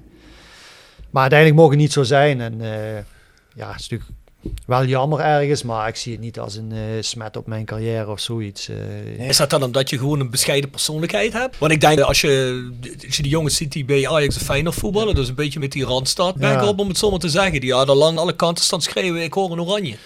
Ja, ik, Ik ja. bedoel, het was wel niveautje. Hè? Bedoel, jullie spelen met Gladbach op een niveau. Dat was gewoon Ajax, Feyenoord, PSV niveau. Ja, dat klopt. Ik heb ook wel eens eh, volgens mij in een interview gezegd van, nou ja, weet je, mijn nadeel is dat ik niet bij Ajax, Feyenoord of PSV gevoeteld heb. Waarschijnlijk is dan, dat ook zo. eh, dan Ja. kom je er waarschijnlijk makkelijker in. En eh, ik denk ook wel dat dat zo is. Dat eh, speelt natuurlijk wel mee. Volgens mij, ja, soms hoor je wel, spelen jongens acht wedstrijden in de eerste van Ajax en worden ze al opgeroepen bij wijze van. eh, Zeker dat- Ajax, ja. ja. Ja. Ja. Ja, dus, ja, maar er zijn denk ik nog meer voorbeelden. En eh, ja, ik, ik denk als je dan eh, een aantal seizoenen al Bundesliga speelt en het denk ik redelijk goed doet, eh, ja, dan zou je misschien eens een kans eh, kunnen krijgen. Zou je Maar- wel zeggen, ja. Ik weet ook even niet, wie waren toen jouw concurrenten voor Oranje dan? Wie speelde Nou, in, het centrum, in het centrum hadden ze eigenlijk Ooyer en Heitinga, die deden ook prima. Eh, daarnaast had je, eh nee, Matthijs en Heitinga die speelden. Dan had je André. Ooyer en Boularoes had je nog als, eh als backups. Ik weet, Boularoes die speelde toen nog tijdens Stuttgart, maar die speelde niet alles. En ik speelde wel alles. En eh, Want die ging wel mee. die ging uiteindelijk wel mee. Die had natuurlijk wel wat meer ervaring, zeker in, eh, in de Interlands. eh, ja, dat had ik dus helemaal niet. eh. dan hoop je toch wel stiekem dat jij misschien net de voorkeur krijgt eh, boven zo iemand. En ja, ook het spelen geen minuut als je erbij bent. En, eh, Of ja, in ieder geval dat je zijn. opgeroepen voor oefenwedstrijden of zo. weet je ja, klopt. Ja, kijk, Maar ik las ook een interview met Van Marwijk van de week, wat hierover ging. En ja, dat kwam eigenlijk zo'n beetje over van, ja, we hadden hem wel in beeld. En eh, er zijn ook wel jongens gaan kijken naar hem. En de boer heeft ook op de tribune keer gezeten en dat soort dingen. Maar het, het kwam zo'n beetje over van, ja, we moesten wel eens een keer gaan kijken. En ik vind dat zo'n beetje raar, want alsof het bijna is van, weet je wel, onder druk dat iedereen zei van, ja, Roel Brouwers moet je toch een keer gaan kijken, een heel goed seizoen. En dan denk ik met mezelf, weet je, wat, wat is dat toch altijd? Het was vroeger ook altijd al toen Roda vroeger in de 90, 80 jaren een hele goede seizoenen had, dan spelen hier ook jongens in het zuiden waarvan je zegt van, die verdient ook eens een kans om ook op zijn minst bij zo'n selectie te zitten. En dat was ook toen al heel moeilijk. En dat gevoel kreeg ik toen bij Roelo ook. Dat je zoiets had van, ja, ik ben niet uit de Randstad, heb geen grote waffel, speel niet bij Ajax en PSV. En ja, je speelt het tof in de Bundesliga mee en doet het dan gewoon heel erg goed. Wordt door Krombach geronden op de zondagmorgen, kent Roel wel denk ik. Ja. Dat is eh, een beetje de minder chaotische en minder beledigende versie van Ja, VI ja, ja. in Duitsland. Want dat is een instituut, ja, die waren ook altijd vol over Roel dat seizoen. En daar zitten de grootste criticasters van de Duitse voetbal. En dan heb je zoiets van, ja jongens, op zijn minst eens een keer erbij hebben een oefenstage of Ja, ik veel wat, hè. Ja, daar had ik toen een beetje op gehoopt. eh, want er waren nog wat spelers die moesten dan bekerfinales of Champions League finale. Ja. Dus er waren een aantal niet daar. En toen ging hij een paar eh, spelers oproepen die dan eh, een soort stage konden doen. En daar had ik wel gehoopt om bij te zitten. En ja, dat was uiteindelijk ook niet zo. Dus eh, ja, dan was het ook al snel eh, voorbij, denk ik. Was hij op een haar na bijna wereldkampioen geworden. Want die Robben, dat was ook op een haar na. Ja, Ja, ja, het tegen voetje het, van eh, Casillas. been, Kun je je voorstellen, je zit erbij en die Robben schiet hem er wel in. Word je gewoon ja, wereldkampioen. klopt, klopt. Ja, inderdaad. Het zou bizar zijn, hè. Wel mooi. ja, ja, dat zou hartstikke mooi geweest zijn. eh. Goed, hoe vaak kom je nu nog bij Gladbach? Want je bent eigenlijk een beetje icoon daar, hè? Ja, ja. Doe je nog veel daar? Ja, het- nu is het natuurlijk even lastig met de hele corona, eh, lege stadions. Dus eh, Mhm. ik ben ja, de afgelopen maanden eigenlijk niet meer geweest. De laatste keer was, eh, ik denk net voordat de, sta ja, voordat de stadions leeg werden. In februari denk ik is het geweest. Toen ben ik nog even daar geweest. maar ja, als het kan, eh, ga ik nog wel regelmatig langs, inderdaad. eh.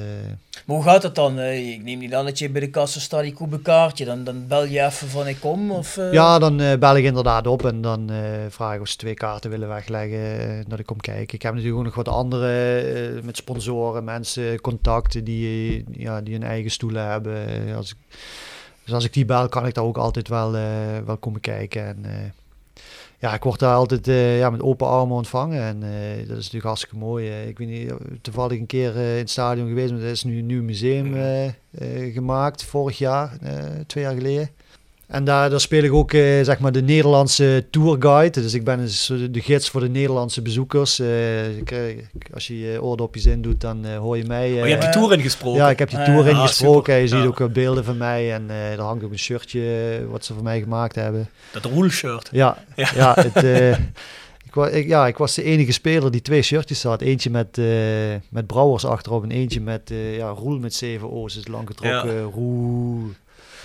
Ja, dat is toch wel eh, apart als je, ja, zoals ik het al zei net, ik ben natuurlijk niet de echte speler waarvoor je naar het stadion komt. En als je dan toch uitgroeit tot een soort uh, cultheld daar. eh, Ah, je bent een beetje type anti-held, hè? ja, de mensen waarderen. Ik, ik was iemand, ik deed altijd mijn best. Ook als ik trainen kwam, stond, ja, op een gegeven moment kreeg ik de, de bijnaam Mr. Zuverlässig. Eh, Van als hij erin komt, staat hij er. En da- dat, dat waardeerden de mensen gewoon heel erg. Ik was denk ik redelijk benaderbaar eh, na trainingen, na wedstrijden. Eh, met de fans een praatje maken, handtekeningen uitdelen, noem maar op. Dus ik denk dat, dat ze dat heel erg waardeerden. En eh, dat ik daarom ook eh, ja, uitgegroeid ben tot, eh tot Ja. cultheld daar. Ja, daar Ja. kun je toch heel trots op zijn. Ik moet zeggen, ik ben één keer daar geweest bij München Gladbach. Een jaar of drie geleden, Gladbach-Hoffenheim. Ja, poh, ik moet wel zeggen, hey, dat is eh, groot, man. Ja, zeker is het. Ja. Dat is... Pas erin, 48.000. Eh 54.000 54. en in de Europese wedstrijden wordt de staantribune, zittribune dan 46. En tot de nok vol, Ja. hè?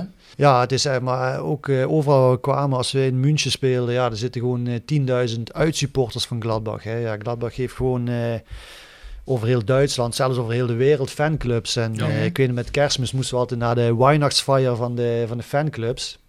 Ja, er waren gewoon spelers die moesten naar Nuremberg vliegen om, eh, om naar een fanclub te gaan. En, Ja. Ja, ik- Marco van Hoogdal hebben toen ook over met Schalke. Hè? Ja. Dat hij ook soms in ons Duitsland terecht kwam. Hè? Dat Ja, ja, ik ben ook eh, ik ben hier eh, in Bütgenbach, eh Duitsstalig België geweest. Ik ben in de buurt van Kleven, ja, dat is dan iets korter bij Gladbach. Nederlandse fanclubs, hier net over de grens in Heinsberg is een fanclub. ja, er zijn zoveel fanclubs echt, maar ook al in Nederland. Ja, dat Ja, dat is natuurlijk ook een, vereniging toen in de jaren 70 die zo'n beetje naar Nederlands modelvoetbal. Die Ja, echt ja. aanvallend speelde met Joep Heinkes en hoe weten ze allemaal Ja, Gun- Hennis Gun- Weisweiler. Günther hè. Netzer, Bertie eh, eh, Allen Simonsen. was sexy Eh, voetbal toen, hè? Die Günther Netzer was een Ja. eh, beetje een womanizer, hè? Was hij een beetje? Een beetje de George Best van het Duitse voetbal. Ja. Zonder de alcohol eigenlijk, Ja, hè? de speler die zichzelf eh, in de bekerfinale toen ingewisseld heeft Ja. en ook nog scoorde. Hè? Ja, dat is ook een... Ken je dat verhaal, Nee. Vertel eens Roel, want dat is echt een goed verhaal. Ja, ik heb het, eh, het schijnt dat eh ja, Günther Netzer, die eh, ja, was een van de betere spelers, eh, maar die was met een transfer bezig, dus die speelde niet in de bekerfinale, omdat de trainer zoiets had van ja, je bent meer met de transfer bezig. Dus die zat op de bank en eh, ja, het was 0-0, eh, bekerfinale, ik weet even tegen Keulen volgens mij, eh, het was 0-0. Ja, volgens mij was het echt tegen Keulen, ja. Ja. Dat was ook de, de. Ja, dus eh, na 90 minuten nog altijd 0-0. En op een gegeven moment in de verlenging zei, dacht hij van, ja, weet je wat, ik, eh, ik ga erin. En die heeft hij zichzelf, hij is hij langs de zijlijn gestaan, heeft zichzelf ingewisseld. Ja, ja. Zonder dat de trainer het wist. Ja, en uiteindelijk ook nog de 1-0 gemaakt. Eh, ja, zo, gaat, zo, zo gaat eigenlijk het verhaal een beetje. Ja. En, eh, dus ja, ze wonnen met 1-0. En omdat ze zichzelf ingewisseld hadden en ook nog scoorden. Ja, dus dat is wel... Ja, Netzer leuk was, ook, was ook wel, de, denk ik wel een van de beste spelers in Duitsland op dat moment. En Ja. ook die Gladbach ooit gehad heeft. hè. Ja, is wel, denk ik... eh, ja... Ja het, ja, het zou de... Behalve jou. Ja, nee, maar het was in die tijd was er wel Ja, echt zo sexy en aanvallend voetbal. Dus en dat is in- toen in Duitsland, maar ook heel Europa. Want ze hebben toen ook volgens mij de Europa Cup 3 gewonnen of zo. Ze hebben volgens mij de Europa Cup 1 eh, ook gewonnen toen. eh, ze, even kijken, drie keer de beker, vijf keer landskampioen, eh één keer eh, de Europa Cup gewonnen. En dus ja, dat team dat, Ja. met dat voetbal, en dat is een beetje zoals Nederland ook populair is geworden in de jaren 70 met het totaalvoetbal. Dat zie je club ook populair geworden daardoor. Ja, toen hebben ze ook de naam eigenlijk, eh, die Volen, eh, de bijnaam, eh, de jonge Veulens. eh, eh, ja, ze hadden een jong team die, eh, die aanvallend voetbal speelde. En ja, toen hebben ze ja, die bijnaam gekregen. Ja, ik luister een beetje ademloos naar jullie. Ja, het is allemaal voor mijn tijd. Ik ben een stuk jonger dan Rob. Hè, dus eh, ik, heb dat niet, ik was waarschijnlijk toen er niet geboren. Ik kan me nog uit de jaren 80 herinneren, toen ik nog redelijk jong was. Kan zich niemand me voorstellen, maar dat je halve finale had. Wie maar wat voor jaar het was. Het was zo'n Gladbach tegen iemand. En het was Bayern tegen iemand.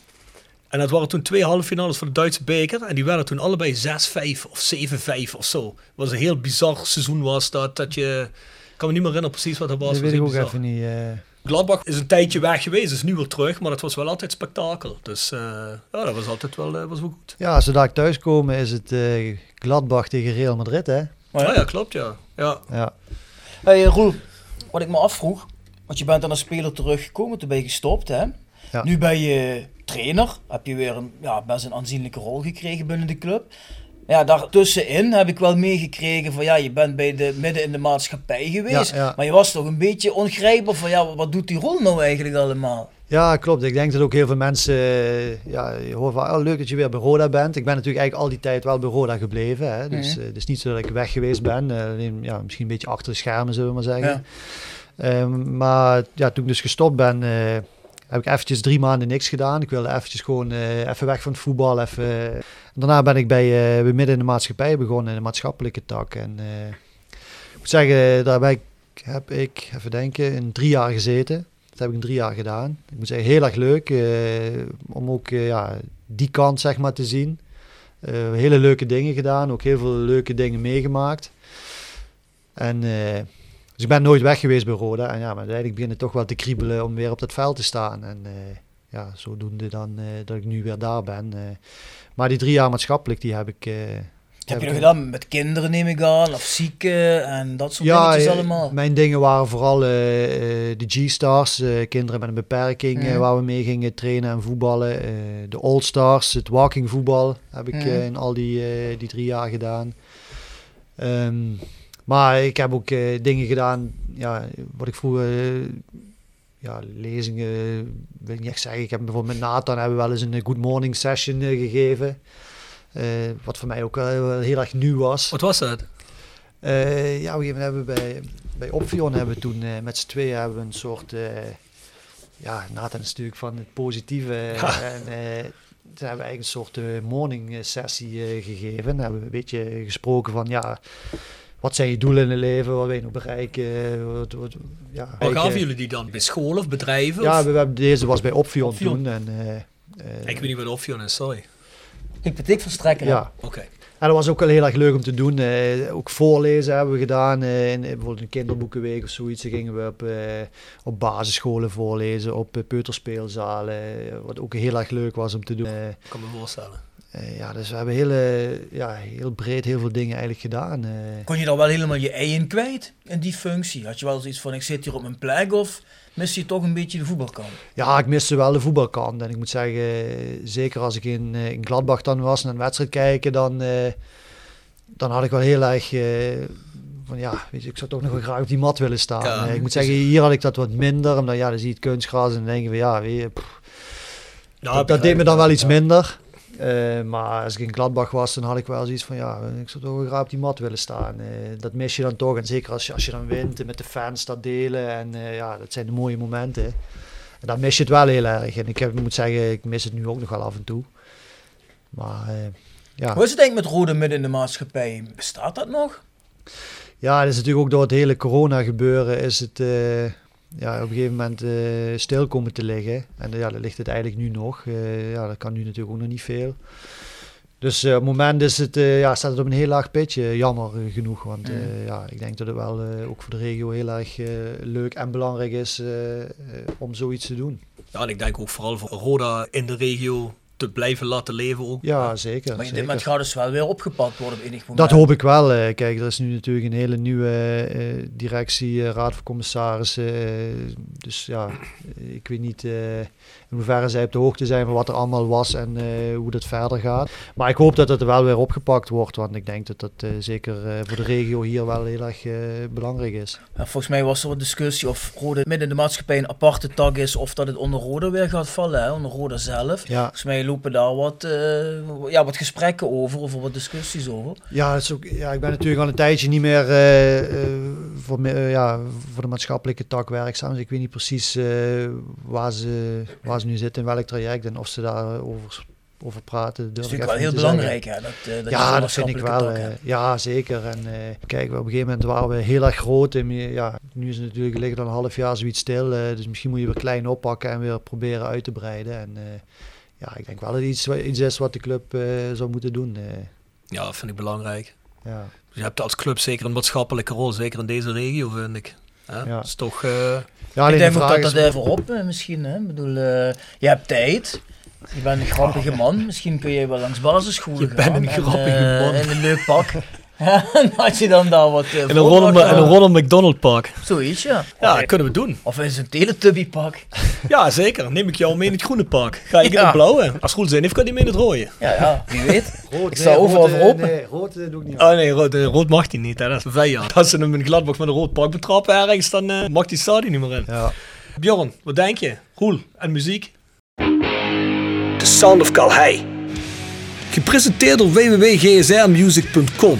Voor muziek en exclusieve merch van Born From Pain, Madball, Death Before Dishonor, Archangel en nog veel meer. Ga naar www.gsrmusic.com. En iPhone Reparatie Limburg. Voor professionele reparatie van Apple, Samsung en Huawei telefoons. Wouderpad 7 te Beek. Ook worden we gesteund door Willeweber Keukens. Wil jij graag kwaliteitskeukendesign dat ook bij jouw beurs past? Ga dan naar Willeweber Keukens in de Boebegraaf 1 te Schinveld. Roel en muziek, ja, ik denk dat Roel is een rustige jongen, maar ik denk dat hij wel van een rocknummertje houdt. Nee, ik weet het niet. Schat ik. Ja, ik moet eerlijk zeggen, ik heb een hele brede muzieksmaak. Ik, ben, ja, ik kan zelf geen noot lezen, dus wat dat betreft heb ik heel weinig met muziek. Eh, ik, Ja, luisteren muziek, hè. Roel, niet spelen. ik kan toevallig, eh, eh, wat is het, lang zal ze leven op de piano spelen. Dat is het enige wat ik kan, eh, wat ik uit mijn hoofd gestampt heb. Maar heb je een lievelingsartiest of een lievelingssoort muziek? Ehm, ja, er zijn wel bepaalde bands die ik wel heel erg leuk vind. eh. Nou, heb je een song voor ons voor onze Sound of Calais playlist op Spotify? Ehm, Ik heb wel een mooie plaat, maar ik, ik moet eerlijk zeggen, ik ben nooit zo... Dan hoor ik, ja, dat is echt wel een goeie, maar dan weet ik de naam meestal niet. Ehm, Ja, je mag hem ook bijvoorbeeld, raden wij eh, hem. eh, de Chainsmokers vind ik heel erg leuk. eh, Wat is dat? eh, ja, wat is dat? Chainsmokers heet die band? Ja, de Chainsmokers. En heb je een song daarvan? Ja, maar dan zou ik op mijn telefoon even moeten kijken hoe, hoe die precies heet. dat durf ik even niet te zeggen. Is het een bekendste song? Eh, Roses, Roses kan dat? Roses? zeg- Iets met Roses? Ah, die vind ik voor je. Wat is het eigenlijk voor iets? Wat hardere muziek of? Ja, een beetje... De naam zegt me wel iets, maar dan gaat me niet echt een genre... belletje rinkelen. Heb je hem illegaal gedownload, Roel? Nee, nee, nee. Ik eh, koop ze eigenlijk allemaal via de, via de iTunes. Eh, Gaan we via iTunes. Ook daar kun je ons vinden, hè? Bjorn op iTunes. Kijk, daar komt hij. dat is hem. Roses. Ja. Ja, ah, goed. Ja, hè? genoteerd. Kijk. Kijk, dit is wel de eerste Kijk, gast die kijk, gewoon de song kijk. dan ook opzet met in de podcast. Hè? Dat vind ik goed. Ja, een beetje muziek erbij. Ja, zeker. Ja, mis mee. Maar dat vind ik wel heel erg goed. eh. Ja, Dan gaat mooi. hij op de lijst. Gaat hij op de lijst? Kom op de lijst, Roel. Alright. ja, mooi, mooi. En Roel, heb je nou eigenlijk eh, nooit een aanbieding gehad van Gladbach om naar je carrière iets te komen doen? Nee, heb ik eh, niet gehad. Nee. Ja, ik ben op een gegeven moment toen naar Roda gekomen. En ja, ik heb hier toen eh, een contract voor vijf jaar getekend. En, ja, eigenlijk twee jaar om te voetballen en daarna iets in de club te gaan doen. Ja, Mhm. dat is natuurlijk sneller eh, gestopt dan, eh, dan dat we gehoopt hadden. Ehm, en ja, ik moet, we, we hebben, mijn vrouw en ik, we hebben drie kindjes. eh, Die zijn nog vrij klein. Dus ja, als je in Gladbach iets gaat doen, dan is het natuurlijk wel weer ja, drie kwartier tot een uur heen, drie kwartier tot een uur terug. Er gaan natuurlijk heel veel reistijden in zitten. En ja, ik vond het ook wel even lekker om gewoon eh, vaker thuis te zijn. Want ja, de laatste jaren eh, in de voetballerij eh, waren het toch wel extreem. Eh, ja, we gingen Europees spelen, dus vaak zaten we drie nachten per week in het hotel. En ja, dan is het ook wel lekker als je gewoon even weet wanneer je thuis bent. En daarom past het denk ik midden in de maatschappij, het maatschappelijk ook heel erg goed erbij. Eh, eh, gewoon eh, om vijf uur thuis was en eh, ja, dat voor de kindjes ook wat vastigheid was. Kom je dan een beetje in zo'n voetbalzwart gat terecht? Als je dan gewoon een 9 to 5 bent aan het draaien en dat je denkt van... Waar de fuck ben ik nou terechtgekomen? Nou, Met alle respect voor iedereen ja. die 9 to 5 werkt overigens. Ja, nee, ik, eh, moet, ja, ik kan niet echt zeggen dat ik in een zwart gat gevallen ben. Eh, Nou, je hoort het wel eens van voetballers. Ja, hè? dat klopt. Eh, ik kan hem ook wel voorstellen. Ik- ja, als, ik- als ik dan inderdaad eh, bij Gladbach was, dan miste ik het toch wel heel erg. En, ja, ik bedoel, die weg die ben ik negen jaar gereden, eh, oh, ja, langs Aken richting Düsseldorf en het Ja. laatste stukje naar Gladbach. 52. Ja, ja, Dan, eh, ja, dan denk je wel, ja, eh, ja, ik had graag nog een jaar daar willen spelen. Dat was uiteindelijk niet zo. En dan ben ik hier, ja, hier teruggekomen naar Roda, waar ik ook heel veel zin in had. Want dat, dat is wel wat mensen dan zeggen van, hè, heb je, heb je, ja, je bent er drie maanden gestopt, heb je niet spijt dat je terug bent gekomen? Mm. Die vraag had ik misschien eigenlijk wel verwacht, dat iemand zou zeggen, Het zat er ook ergens tussen volgens Ja, mij. Want er waren heel veel mensen tussen. met die strekking over, met die blessure, met het veld. En er zat er ook bij die zei van volgens mij heb je van, niet had je spijt niet, dat dat had gebeurde je niet is. gewoon moeten stoppen in 2016 na Gladbach? En, eh, Mhm. Ehm, maar ik, ik heb absoluut geen spijt dat ik teruggekomen ben. Eh, eh, ik denk dat ik meer spijt had gehad als ik eh, het niet gedaan had en achteraf dacht van... Ja, misschien had ik toch nog wel één Ja. of twee jaar kunnen voetballen. En eh, ja, ik, ik ben met heel veel goede moed hierheen gekomen. Ik had er ook heel veel zin in. Eh, ja, uiteindelijk is het dan helaas niet geworden wat ik ervan gehoopt had. Maar ik weet wel dat het ook op een gegeven moment niet meer ging. En toen was het ook goed. En, eh, Je hebt het wel geprobeerd in ieder geval. ja, hè? dat klopt. En eh, kijk, eh, uiteindelijk eh, heb ik die keuze voor mezelf gemaakt om te stoppen. Maar ook ergens wel voor de club. Want het had geen zin om nog een half jaar iets ja, te gaan revalideren. Of te kijken of je toch nog... een beetje ga je tussen de bank en af en toe spelen. En ja, dat schiet ook niet op. Ook niet voor de club. Eh, ja, die toch een salaris moet betalen. Wat, eh, ja, wat voor de club ook veel geld is. Dus eh, dat schoot voor beide niet op. En. Toen, eh, maar ik heb er absoluut geen spijt van dat ik teruggekomen Ja. ben. Dus da- dat... eh, Ja, maar ik weet nog toen Roel terugkwam, toen hij aangekondigd werd, toen had eigenlijk iedereen zoiets van, potverdomme, krijg je toch even high-level verdediger hier terug, die Ja. lekker op zijn oude stack terugkomt. Ja, ik kan me voorstellen, loopt lekker even een paar jaar voetbal en alles. Ik denk dat wij net zo teleurgesteld waren als Roel toen het eh, op een gegeven moment niet meer ging. Ja, ja, ik was zeker teleurgesteld. Ik bedoel, ik heb hier eh, zeven jaar in de jeugd, vijf jaar eh, bij de selectie. De- ik, ik heb hier al twaalf jaar gezeten voor die tijd. Ja, dan kom je weer terug en dan ja, wil je het ook hier laten zien. En wat je ja, in de tussentijd allemaal gedaan hebt. En dat wil je voortzetten hier. En ja, als het dan niet lukt, dan, ja, dan baal je natuurlijk wel. En ja, daarom heb ik ook op een gegeven moment toen ik gestopt ben gezegd van ik wil de komende maanden gewoon even lekker niks, niks met voetbal, eh, even gewoon ja. andere dingen doen. eh. En ik moet zeggen, dat, dat, dat deed me wel goed toen. eh. Hey, ik heb even mijn telefoon geopend, want ik dacht, hey, ik heb nog wat vragen voor eh Roel binnengekregen op de WhatsApp. Natuurlijk van onze goede vriend Bas Werry en sponsor. En Bas zegt, Roel, wat was je mooiste Europa Cup uitwedstrijd? Europa Cup uit. Eh, ja, eigenlijk op één staat eigenlijk de Champions League wedstrijd. Eh, ja, de Champions League is toch net weer, ja, je hebt Europa League, maar een stapje hoger is dan toch wel net de Champions League. Was dat toen die kwalificatiewedstrijd? Nou, ik heb er twee gespeeld. Eén keer de kwalificatiewedstrijd, die heb ik in Kiev, eh, eh, tegen Dynamo Kiev gespeeld. Maar dat was kwalificatie. Maar ik heb één keer groepsfase uit bij eh, Sevilla gespeeld. En eh, ja, dat, dat is dan toch wel mooi als je met die hymne op dat veld Ja, staat. ja. Dat, eh, we verloren denk ik die wedstrijd met 3-0, dus eh, die moeten snel vergeten. Maar ja, voor mij was het een onvergetelijk moment ja, op 33-jarige leeftijd toch nog in de Champions League te debuteren. Tegen wie speelde je toen? Bakka. Die is later nog naar Real Madrid ge- gegaan. Of naar AC Milan gegaan, volgens mij. Of Inter Milan, in niet. ieder geval in Italië. Maar ja, ik heb een aantal hele mooie Europa League wedstrijden ook gehad. eh, ja, zowel thuis ook, maar eh, uit bij Fenerbahce te- tegen Dirk Kuyt eh, gespeeld. Had je hem in de pocket? Ja, we wonnen toen met 3-0, maar het kwam meer, we waren allebei al door in de groepsfase. Dus ja, wij speelden met een soort B-elftal, hun ook. Kuyt kwam later nog erin. Dus die wonnen we vrij makkelijk met 3-0, dus dat Mhm. was op zich wel leuk. Ja, we hebben nog meer Villarreal uit eh, gehad, eh, ook een hele mooie wedstrijd, 2-2. Eh, Olympique Marseille hebben we gehad. Eh, Lazio Roma, die heb ik niet gespeeld, dus zat ik op de bank. Er waren toen volgens mij bijna 15.000 Gladbach-fans in Rome toen. Dat was ja, ook die wedstrijd. Ja, hè? dat was die wedstrijd. En op de Spaanse trap is dat Ja. daar. Hè. Dat was eenmaal in de middag, stond helemaal vol met fans. Er zijn ook ja, hele mooie filmpjes op YouTube als je die kijkt. Ja, ja dat is gigantisch. Ik weet ook in, in Zurich. Was ook, ja, volgens mij spelen we dan een thuiswedstrijd in Zurich. Die hele, ja, die hele curve, die, ja, die was eh Gladbach-fans. Dus ja, dat was ongelooflijk. Dat was gigantisch. Mooi man. Ja. Super. Hey, nog een andere vraag van Bas. Eh Roel, ja, misschien een goede vraag. Moet je misschien even goed over nadenken. Wat is de top drie meest memorabele momenten in je carrière? Als je er nog drie zaken uit moet pikken. Ik moet zeggen, de promotie met Gladbach vanuit de tweede Bundesliga naar de eerste. Eh, ja, zeker wat dat met zo'n zo bijna 100.000 man op de, op de Alte Markt. Ja, dat zijn ook momenten die vergeet je nooit. Eh, ja, dat is wel denk ik echt een eh, memorabel moment. Ehm, ja, ik denk je eerste wedstrijd is ook altijd, vind ik wel, eh, dus dat is die uit bij PSV. Ja, dat is toch het begin van iets geweest uiteindelijk. Kijk, op dat moment weet je niet wat er komen gaat, maar daar begint het toch.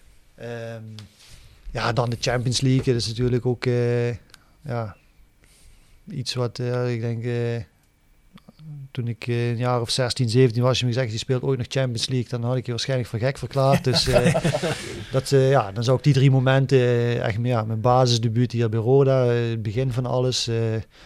en dan ja, de promotie met Gladbach en uiteindelijk de Champions League. Ja, ik denk dat je ook blij mag zijn dat je zo iemand als Jos Hoekay tegenkomt in je carrière. Ja. Wat jij zegt, zonder Jos Hoekay dat Roel Brouwers niet zo ver was gekomen. Nee, ja, ik, Tenminste, hè? uiteindelijk denk ik dat, dat elke speler, ja, ik, als ik niet gepresteerd had, had hij me waarschijnlijk ook niet Tuurlijk, Gladbach gehaald. tuurlijk. Dus uiteindelijk vind ik... eh, maar iemand maar moet je, ook nemen. je moet wel iemand hebben die inderdaad het vertrouwen in je Ja. heeft. En eh, ja, dat was voor mij op dat moment Luukai. En ik zeg in Paderborn eigenlijk een heel leuk en goed seizoen gehad. eh. en daarna in Gladbach, ja, helaas toen we gepromoveerd zijn, is hij na zeven wedstrijden ontslagen. Maar ja, eh, Ja, ook want dat promotiejaar was eigenlijk een heel goed jaar van jullie toen. Hè? De- jullie zijn toen kampioen geworden gewoon, hè? Ook. Ja, in de tweede, eh, de tweede Bundesliga meteen Ja. kampioen geworden. En eh, ja, dan na zeven wedstrijden meteen eh, de trainer eruit. Dat was natuurlijk wel, eh, Beetje ondankbaar. toch, wel ook, hè? ja, ook wel heftig. En zeker omdat ik gewoon een hele goede band met hem had. En Mhm. eh, eh, ja, we bellen nu nog wel af en toe, niet meer heel vaak. Maar Ja, ik vragen, heb je nog contact met hem? Ja, Of- af en toe bellen, bellen we nog wel eens. En dan, eh, Waar zit ja. hij nu?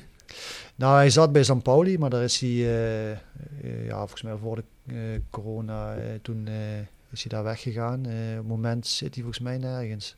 Nee, hij is nog in Engeland bij Sheffield Wednesday is hij geweest. Dat was voor St. Pauli. Dat wa- was voor toen San Pauli en nu eh, volgens mij nergens op het moment. Zou dat in de toekomst iemand zijn voor Roda? Of zou die niet bij de club passen? Maar die is wel vaker in beeld geweest, maar ik denk dat als Roda heeft het nooit kunnen matchen natuurlijk ten opzichte van tweede Bundesliga clubs.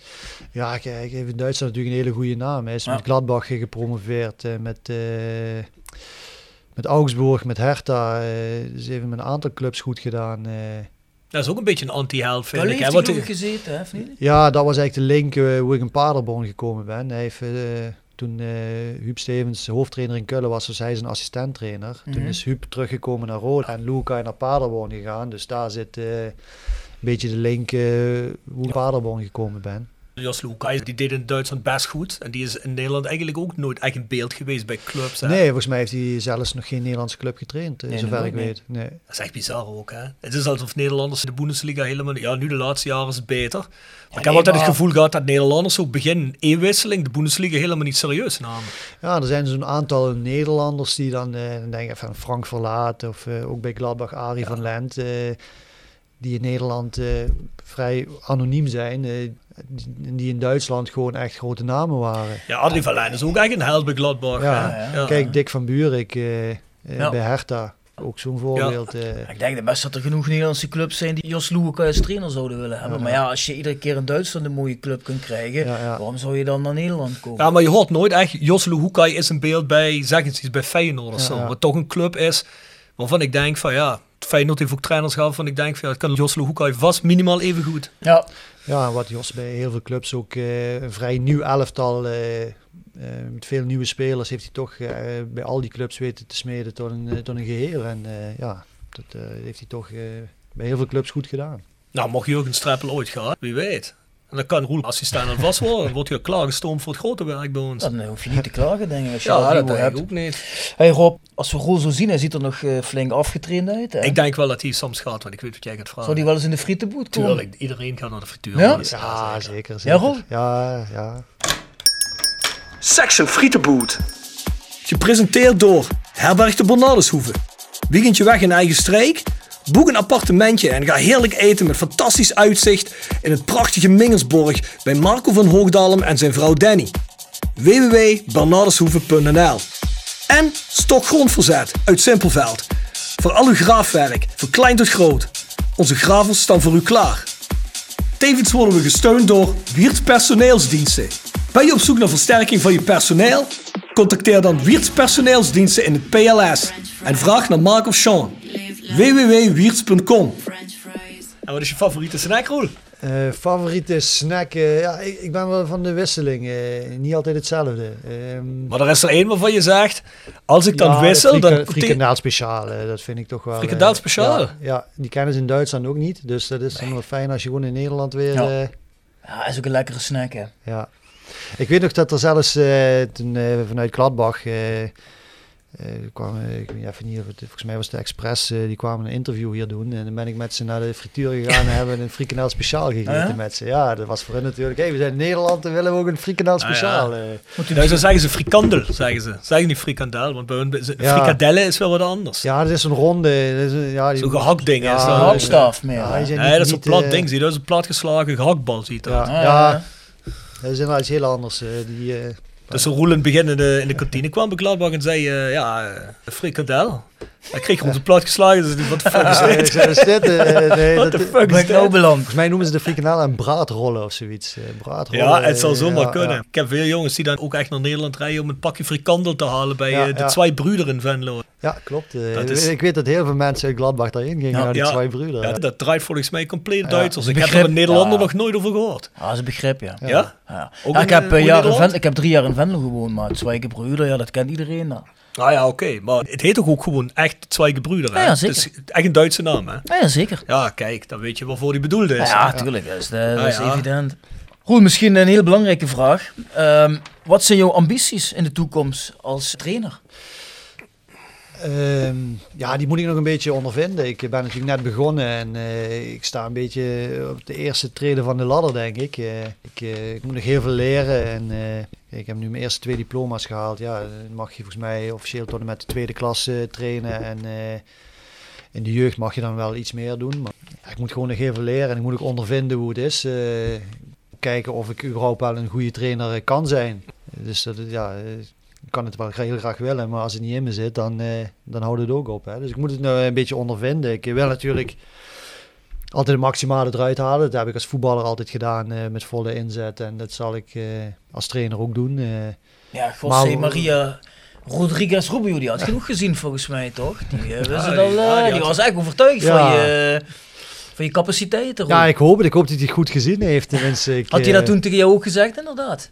Nou, iemand zei mij later van... eh, hij heeft het zelf niet tegen mij gezegd. Eh, iemand zei tegen mij van... eh, hey, ik heb gehoord dat jij een hele goede, goede trainer... eh ik zo, ja, hoe is dat dan? Ik ben net begonnen. Ik, kijk, zo zie je maar, hè? hoe- hoe- Als je Rubio dadelijk bij een of andere club zit en digiscout is, dan weet ik veel waar. Op een gegeven moment duikt Roel ergens op, bij Chelsea ergens de- in de staf of zo, wie weet. Ja, dat zou natuurlijk... eh, Chelsea is geen verkeerde club. Hè. Lo- Lo- Londen is ook geen verkeerde stad. Dus eh, Nou, ik zit me nu even eigenlijk af te vragen, Rob. Is het niet zo dat Roel eh, nu aan de staf is toegevoegd omdat dat in de podcast zo benoemd is? Hebben wij niet in deze carrière move ook een grote rol gehad? Nou, Marco van Hoogdalem terug naar Roda. Ja, René Troost in de RVC. RVC. Dat eigenen we ons gewoon toe. Ja. ja, Dan moeten we wel zeggen dat- erbij. Dat is waarschijnlijk niet door ons gebeurd. Maar we hebben er wel campagne voor gevoerd voor al die Ja, dingen. Ja, Dus ja. als we nu campagne voeren voor Roel naar Chelsea, wie weet. Ja, wel, dat is Roel ons dan maar niet vergeet. Die dat maar eens even aan ons denkt, hè? Ja, dat denk ik wel. Dan moet er toch een tripje Londen in zitten. Ah, dat lijkt me ja, dat denk ik, minimaal. dat, dat denk ik wel. Is helemaal niet bedoeld een of het ander, maar voel je nog meer Gladbacher of Roda JC'er? Nou, ik heb natuurlijk mijn mooiste voetbaltijd in Gladbach gehad. Eh, ja, zo- zoals je in het begin ook al zei, ik heb eigenlijk ja, maar 56 wedstrijden voor Roda gespeeld. Waarvan er misschien ook nog eens 10 Mhm. Ja, als, het eh, profvoetbal dan, hè? Ja, 10 als invaller. Ehm, dus mijn mooiste tijd voetballend heb ik echt eh, wel in Gladbach beleefd. En, eh, ehm, maar ik, ik bedoel, ik ben als 11-jarig jongetje ben ik naar Roda gekomen. Ik heb hier zeven jaar jeugd, vijf jaar, ik heb hier twaalf jaar gevoetbald. Dus ja, ik heb ook hele warme gevoelens bij Roda. Mhm. alleen ja, als voetballer heb ik hier niet heel veel grote dingen eh, kunnen laten zien. Dus ja, wat dat betreft eh, moet ik zeggen, dan, dan ligt mijn hart in Gladbach, voetballend gezien.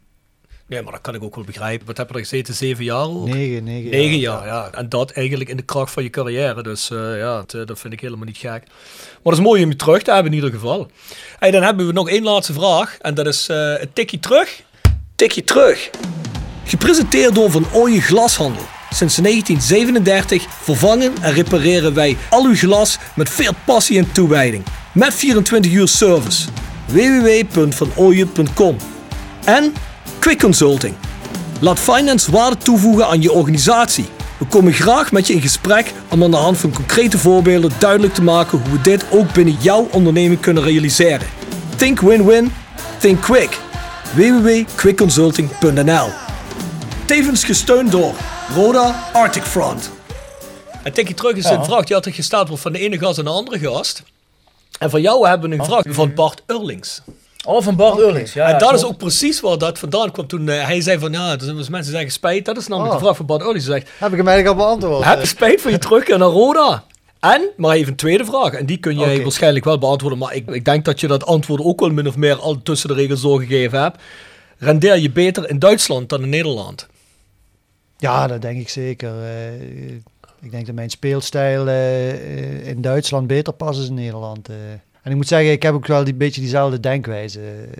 Eh, ik zou als ik met 1-0 voor sta in de 85e minuut, eh, zou ik er geen moeite mee hebben die bal uit het stadion te jagen. En in Nederland wordt oh, je moet het voetballend oplossen. En eh, ja, dan denk ik van ja, wat, wat, ja, eh, geen eh, vieze woorden gebruiken, maar ik denk, ik moet het gewoon winnen. Eh, we moeten zorgen dat die bal niet bij ons, eh, bij ons doel in de buurt komt. En ja, dat is een beetje de Duitse gedachte, weet je. Ten koste ja, van alles gewoon die wedstrijd willen winnen. En eh, niet nog mooi voetballend oplossen met enig risico of noem maar op.